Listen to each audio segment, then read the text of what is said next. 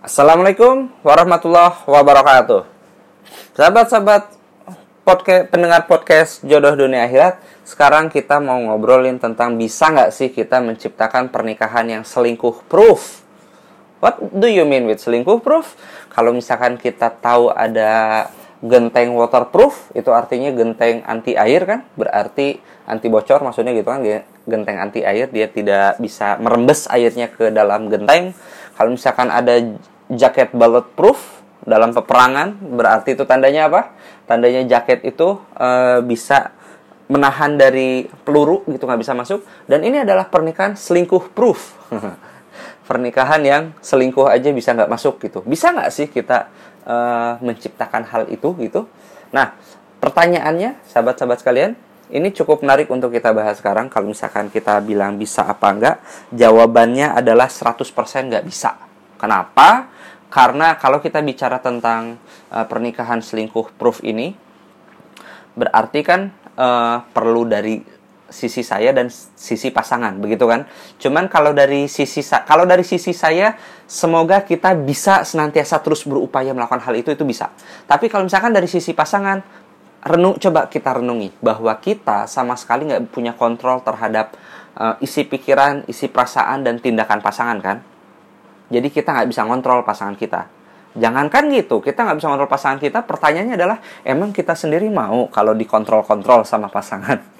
kan nggak mau. Nah, karena nggak mau itulah gitu, makanya saya bilang bahwa uh, ini tuh nggak bisa 100% gitu.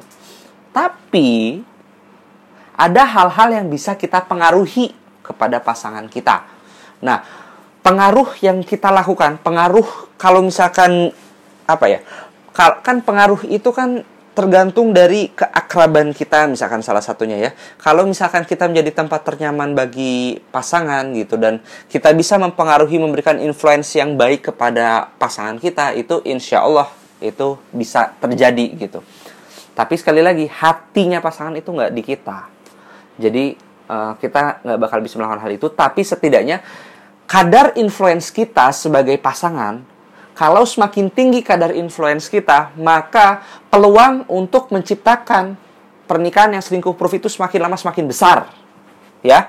Jadi satu tergantung di tergantung dari uh, kadar influence kita. Kalau kadar influence kita semakin lama semakin besar kepada pasangan, itu insya Allah bisa berbanding lurus dengan semakin besar peluang untuk terciptanya pernikahan selingkuh proof ini. Kebayang? Karena jadi kayak gini, sahabat-sahabat sekalian. Uh, mari kita tekankan terlebih dahulu gitu bahwa kalau kita bicara selingkuh di sini saya tidak menganggap selingkuh itu adalah sesuatu hal yang semacam lucu-lucuan gitu seperti kayak di lagu-lagu lagu-lagu yang kayak jadikan aku yang kedua atau misalkan pilih mana pilih mana itu uh, lagu-lagu sekarang nih itu mohon maaf kalau saya gak kasar tapi itu lagu-lagu yang lirik-lirik sampah kayak gitu tuh tuh banyak gitu. Meskipun mungkin secara musik itu menyenangkan, tapi itu membius dan membuat kita seolah-olah menganggap bahwa selingkuh itu kesannya kayak lucu-lucuan gitu. Lucu-lucuan, sesuatu yang biasa aja, sesuatu yang oh normal atau namanya juga laki-laki punya nafsu. Os ya atau mungkin oh normal atau perempuan namanya juga lagi apa namanya? lagi terjebak dalam uh, masa lalu gitu. Nah, hal-hal seperti ini gitu yang kadang-kadang kita jadi lupa kita jadi luput untuk melihat bahwa sebetulnya selingkuh tuh kayak gimana sih hakikinya kan gitu kalau kita lihat secara hakiki kan uh, kita lihat bahwa selingkuh itu aktivitas mendekati zina atau bahkan udah sampai zina ya kalau misalkan kita bilang yang namanya zina ya zina itu dosa besar kalau misalkan ada juga yang bilang, oh selingkuh itu kan mungkin dosa terindah gitu. Sekarang coba kita renungi dulu kisah Rasulullah SAW. Pasti kita udah sering dengar bahwa Rasulullah sering dilempar sama uh, isi perut unta badannya, suka dilempar sama kotoran hewan, suka dilempar sama bebatuan. Tapi sekarang yang mau gua, mau difokusin itu adalah masalah isi perut unta, ya, muntahnya unta gitu kebayang. Muntahnya unta bau kan kira-kira atau mungkin kotoran hewan gitu dilempar ke tubuh mulia Rasulullah. Cuman pertanyaannya adalah ketika tubuh kita tahu ya seberapa menjijikkan itu muntah unta gitu muntah manusia aja we itu kayak oh menjijikkan gitu. Kotoran hewan itu menjijikkan gitu. Dan kalau bisa kita nggak nyentuh nyentuh deh itu nggak kena sama badan kita kan. Harapannya tuh gitu kan. Karena kesannya kita jadi ya jijik aja. Kesannya ada kesan jijik gitu.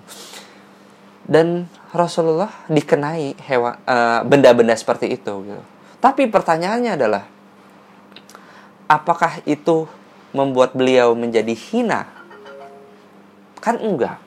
Sama sekali enggak. Meskipun menjijikan tapi itu bukan sesuatu yang hina gitu.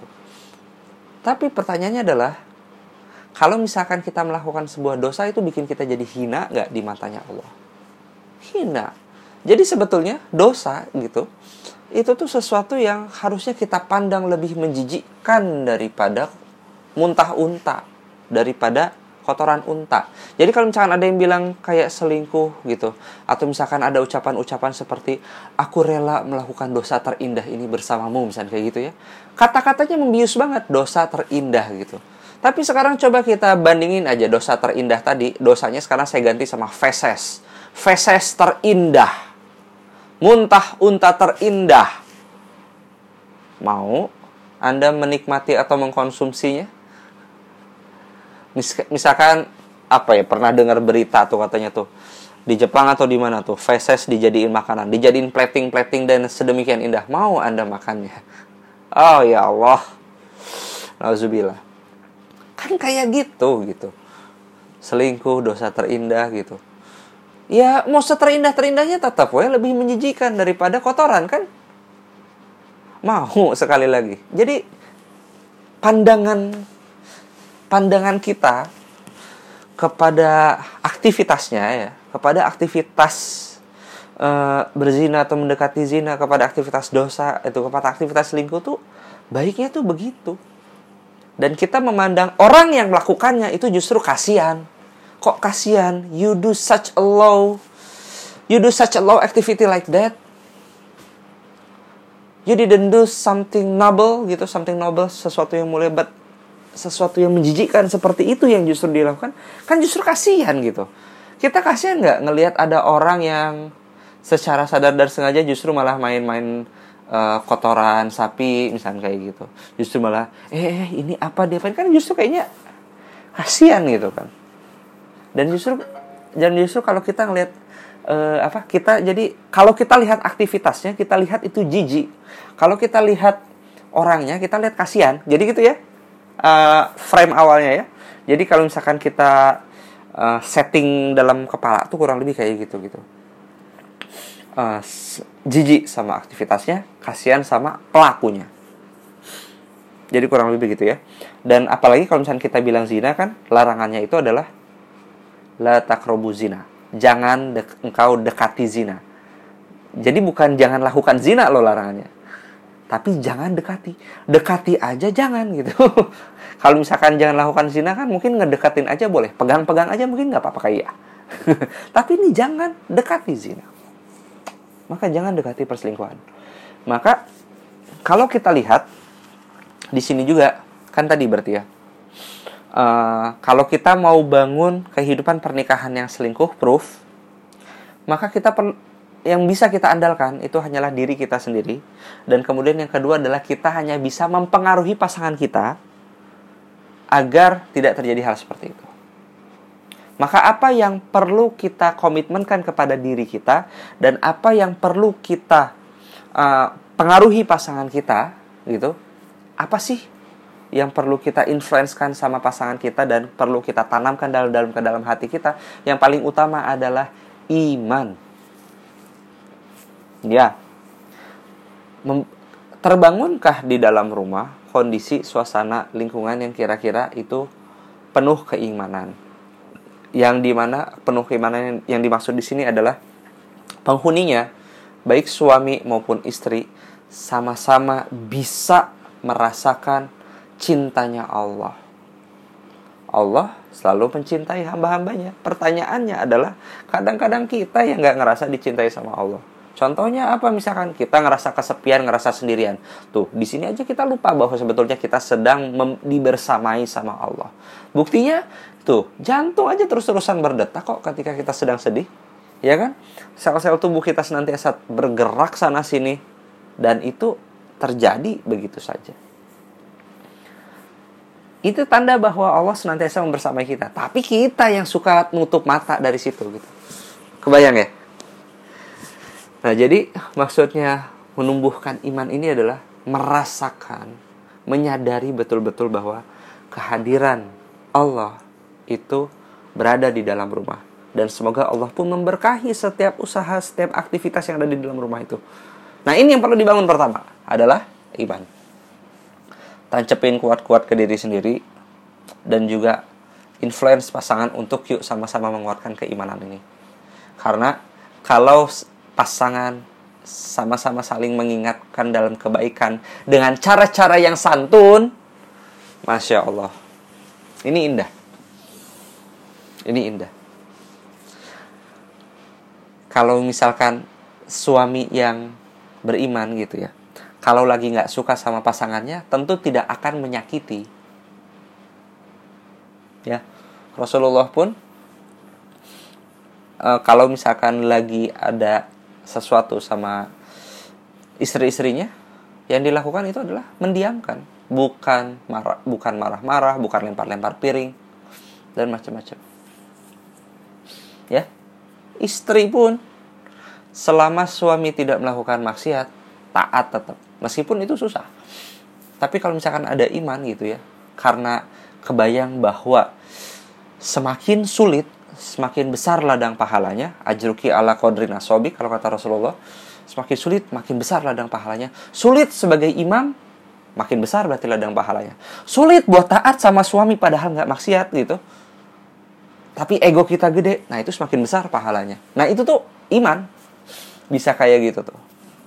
Dan sulit lagi berantem sama pasangan gitu. Pengennya kabur dari rumah. Pengennya langsung mulai banding-bandingin. Oh mantan. Oh andai istriku kayak istrinya dia.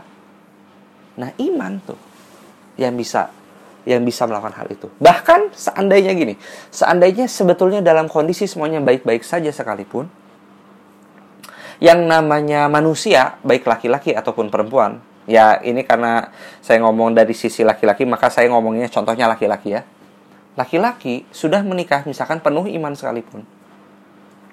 Seandainya melihat ada seorang wanita tidak berbusana sekalipun, tergoda itu mungkin. Ya, tergoda itu mungkin. Namun yang membedakan adalah respon selanjutnya. Ya. Kalau misalkan tergoda itu mungkin tapi kalau misalkan ada yang memilih responnya adalah mengikuti hawa nafsunya tapi ada juga yang memilih untuk istighfar nah apa sih yang bisa membedakan kok bisa eh, yang satu bisa aja tadi ngejar ter, uh, mengikuti godaannya mengikuti nafsunya tapi kok yang satu lagi ada yang memilih untuk ya Allah ya Allah lindungi hamba ya Allah godaan ini ya Allah bedanya apa yang membedakan respon-respon ini yaitu adalah iman. Sekali lagi, jadi kalau kita mau bangun pernikahan selingkuh, proof, yuk kita perkuat iman kita gitu. Kita tergoda itu sangat-sangat mungkin. Tergoda itu sangat-sangat mungkin. Tapi memilih untuk mengikuti godaan, nah itu adalah tergantung dari keimanan kita. Mau nggak kita memperkuat keimanan kita dan mau nggak kita mengingatkan pasangan kita dengan cara yang santun, dengan cara yang ahsan sama uh, kepada pasangan kita tentang hal itu? Nah, itu yang pertama yang perlu kita tancepin adalah iman. Yang kedua, sahabat-sahabat sekalian, yang perlu kita tancepin kuat-kuat di dalam kehidupan pernikahan kita adalah untuk menciptakan pernikahan selingkuh proof itu adalah keakraban. Akrab. Ya. Jadilah tempat terbaik bagi pasangan Anda. Kadang-kadang ya. Kadang-kadang salah satu faktor uh, kenapa orang bisa melakukan selingkuh itu cukup yang cukup sering adalah dia merasa tidak nyaman sama pasangan dan dia mendapatkan kenyamanan itu di luar sana. Kadang-kadang begitu. Maka, sahabat-sahabat sekalian, hal ini yang perlu untuk uh, kita bangun. Kita gimana caranya membangun keakraban? Kita menjadi sahabat karib bagi pasangan kita sehingga pasangan sudah merasa sangat-sangat cukup puas sama kita dan tidak ada kepikiran sama sekali untuk mencari di luar sana. Itu di situ. Ya, kita perlu untuk membangun keakraban. Ya, kita perlu untuk membangun keakraban. Dan kemudian yang ketiga adalah kita juga perlu untuk kepada diri kita sendiri kita perlu untuk membangun batasan. Maksudnya batasan apa? Batasan dalam hal berinteraksi sama lawan jenis yang bukan yang tidak halal untuk Anda. Tahukah Anda bahwa kadang-kadang selingkuh itu juga terjadi awalnya itu nggak ada niat. Awalnya nggak ada niat, sama sekali nggak ada niat ya. Tapi terjadinya nggak sengaja. Contoh nggak sengaja gimana? Misalkan ada eh, apa namanya? Ada seseorang yang sebutlah mungkin rekan kerja gitu ya. Rekan kerja lawan jenis curhat sama kita gitu. Aduh suami aku gini gini gini gini gini gini Nah, ketika dengar curhat itu gitu kan. Tadi maksudnya kita baik, mungkin mau ngebantu gitu. Tapi kadang-kadang itu tuh uh, setan tuh caranya begitu unik gitu. Misalkan kayak bikin kita jadi iba. Ih, ya ampun kasihan banget. Andai aku yang kayak gini gitu. Wah, itu bisa jadi gitu. Bahkan itu dari sisi misalkan kita sebagai pendengar ya misalkan sisi kita yang ngedengerin curhat rekan kerja ya Allah kasihan banget sih masa di kayak gituin sama sama suami kamu? Aku aku pasti nggak kayak gitu kok. Nah misalkan itu bisa kayak gitu. Itu dari sisi yang mendengarkan. Dan dari sisi yang curhat gitu ya. Dari sisi yang curhat itu tuh bisa saja muncul perasaan-perasaan seperti ini gitu. Muncul perasaan bahwa ya ampun, kok sama dia ini aku didengerin banget sih isi curhatan-curhatan aku. Beda sama suami aku ya. Nah, bahaya. Bahayanya tuh di sini gitu. Karena ketika misalkan seseorang sedang curhat, dia kan sedang tinggi emosinya, jadi tinggi kebenciannya sama uh, bukan kebencian mungkin ya anggaplah kebencian tinggi kebenciannya sama pasangannya tinggi rasa tidak sukanya sama pasangannya dan mengeneralisir bahwa seolah-olah pasangannya itu tidak punya kelebihan sama sekali, tidak punya kebaikan sama sekali. Dan kemudian curhat. Curhat sedih-sedih-sedihnya dikeluarin, kadang-kadang ceritanya agak sedikit diglorifikasi gitu ya, di dilebay-lebayin dikit gitu. Dan kemudian ngerasain, ya ampun, ini kok si temenku ini nih rekan kerjaku ini kok ngedengerin aku banget dengan seksama sih.